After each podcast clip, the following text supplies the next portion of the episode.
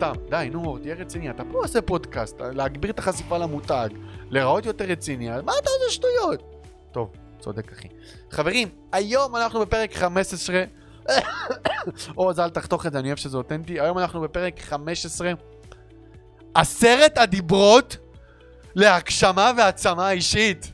חברים יקרים, אני מת על זה. יאללה, בואו נתחיל.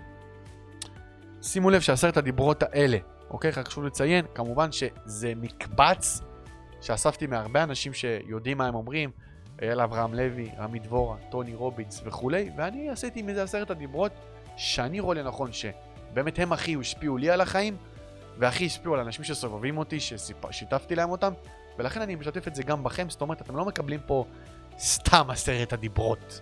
כאילו, זה עובד. יעני, קביל בבית המשפט.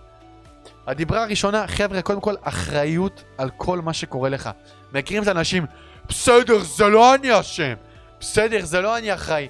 ברגע שאתם לא לוקחים אחריות, אתם גם לוקחים מעצמכם את הכוח של לתקן. כי אם אתה לא אחראי בעצם, מה זה אומר? שאתה לא היית יכול לתקן. אני יכול לתקן רק את מה שאני אחראי עליו.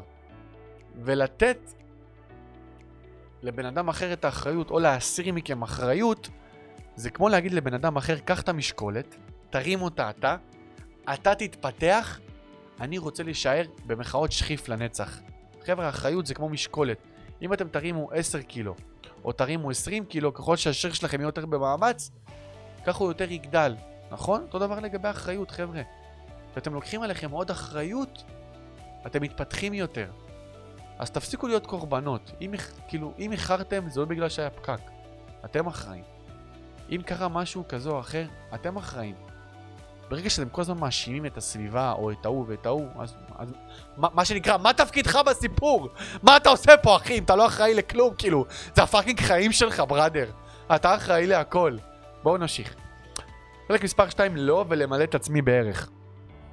למה אימא אוהבת את הילדים שלה ולמה אבא אוהב את הילדים שלו? כי הם נותנים, הם קונים, הם משקיעים והם נותנים להם. אנחנו אוהבים את מה שאנחנו נותנים לו. אם יש לי בת זוג, למה אני אוהב אותה? נכון, היא נראית טוב. שיר, אני אוהב אותך, אבל אני גם אוהב אותה כי באיזשהו מקום אני נותן לה. אני משקיע בזמן, כסף, אנרגיה. אז, אז תיתנו גם לעצמכם, ככה אתם תוכלו בעצם לאהוב את עצמכם. תיתנו לעצמכם זמן, תיתנו לעצמכם אנרגיה, תקנו לעצמכם מתנות. כשאני לפעמים הולך לסטימצקי וקונה לעצמי ספר, אני מבקש מהמוכרת לעטוף לי אותו כאריזת מתנה. אני בעצם נותן לי, ואנחנו אוהבים את מי שאנחנו נותנים לו.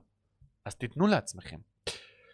שלוש, להגדיר מה זה הצלחה פרקטית. אין מילים כמו אני רוצה להיות מאושר. מה זה אני רוצה להיות מאושר? אני רוצה לקום בבוקר ולראות בחניה שלי מרצדס עם שתי ילדים ברחוב, בשכונה, בבית, במדינה. תפרטו את ההצלחה שלכם לפרטי פרטים, חברים. אני רוצה לרדת במשקל, זה מעולה. כמה? איך? מתי? כמה לרדת במשקל? בכמה זמן? תפרטו את המטרה שלכם לפרטי פרטים. 4. מקור המוטיבציה הראשי שלכם זה אתם בעצמכם. זאת אומרת, אתם לא מסתמכים על מוטיבציה. אחרי, רגע. אתם לא מסתמכים על מוטיבציה אחרי שתראו את הסרטון ביוטיוב. אתם מקור המוטיבציה של עצמכם, אתם צריכים ללמוד איך להניע את עצמכם. איזה סיפור לספר לעצמכם, דיברנו על זה בפרקים הקודמים. אז באמת, אתם תלמדו איך להניע את עצמכם לפעולה, ולא איך אבנר, מה, מהשכן שלכם, אמור לגרום לכם להיות בפעולה ועשייה. תהיו המקור המוטיבציה הראשי של עצמכם. חיזוק כוח רצון כחלק מהחיים. תעבדו על כוח רצון שלכם, כוח רצון זה שריר, אוקיי? זה לא, לא נולדים עם כוח רצון. זה מתחיל בזה שאתם לא רוצים לשטוף את הכוס שבכיור ושוטפים אותה.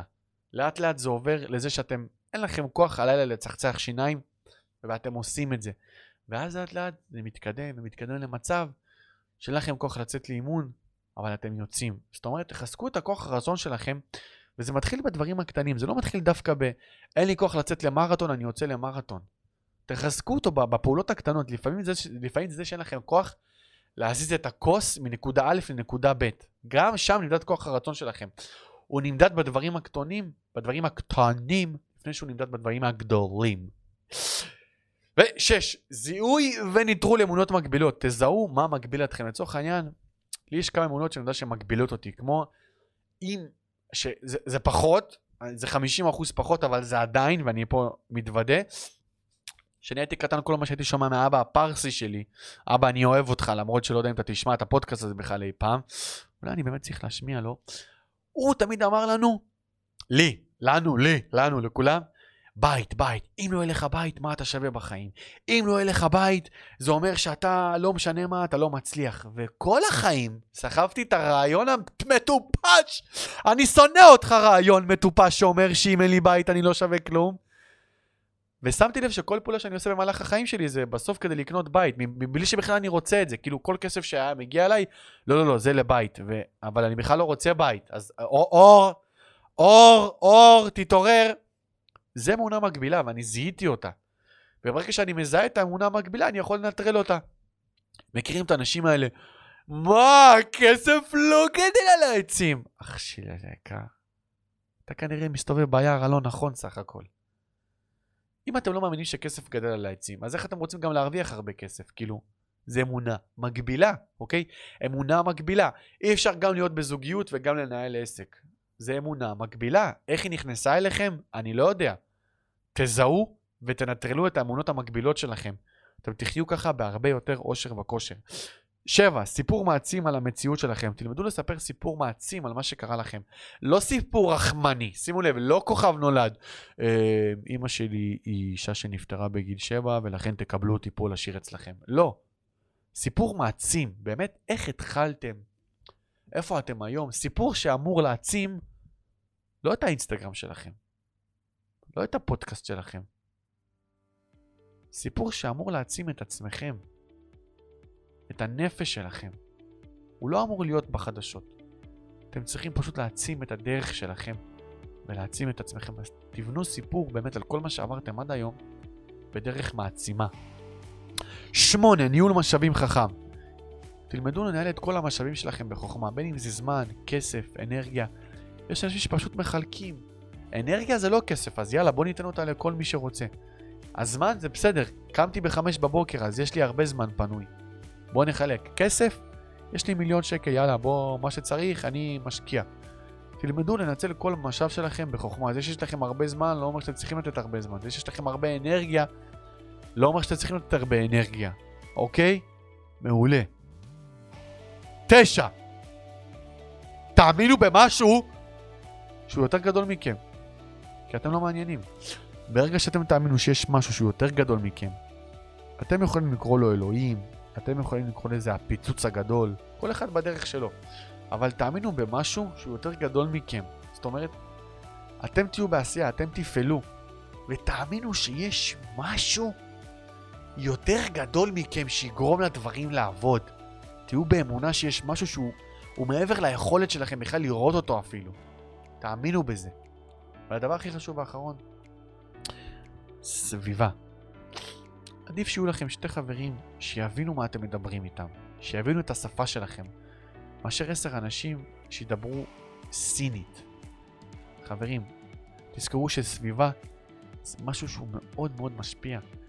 למי אתם משתפים את המטרות שלכם? עם מי אתם מדברים בסוף יום על היום שעבר עליכם? אם אתם מדברים עם חברים שכל הזמן מורידים אתכם, מבלי לשים לב, לא בכוונה. או, אחי, אני טוב לי שאני שכיר, גם אתה, כדאי לך, מה אתה צריך להיות עצמאי? זה נכנס לכם למוח, המחשבה הזאת, אולי אני באמת לא צריך להיות עצמאי. אולי לא צריך להתפתח. אל תהיו במקום הזה, חבר'ה. תהיו בסביבה שמעצימה אתכם, עם אנשים שאתם אומרים להם רעיון והם לא אומרים לכם אין מצב שזה יעמוד. עם אנשים ששואלים אתכם, אוקיי, ואיך אתה הולך לגרום לזה לעבוד, אוקיי? אז אלה היו עשרת הדיברות, חברים. אני בטוח שאם אתם תיישמו אותם, תקשיבו להם, יהיה לכם טירוף בחיים שלכם. שמחתי לעזור, אני אוהב אתכם מאוד. Uh, תבואו גם לפרק הבא, תשתפו, תתייגו. ונראה לי שאפשר להגיד את המשפט הבא. סיום פרק.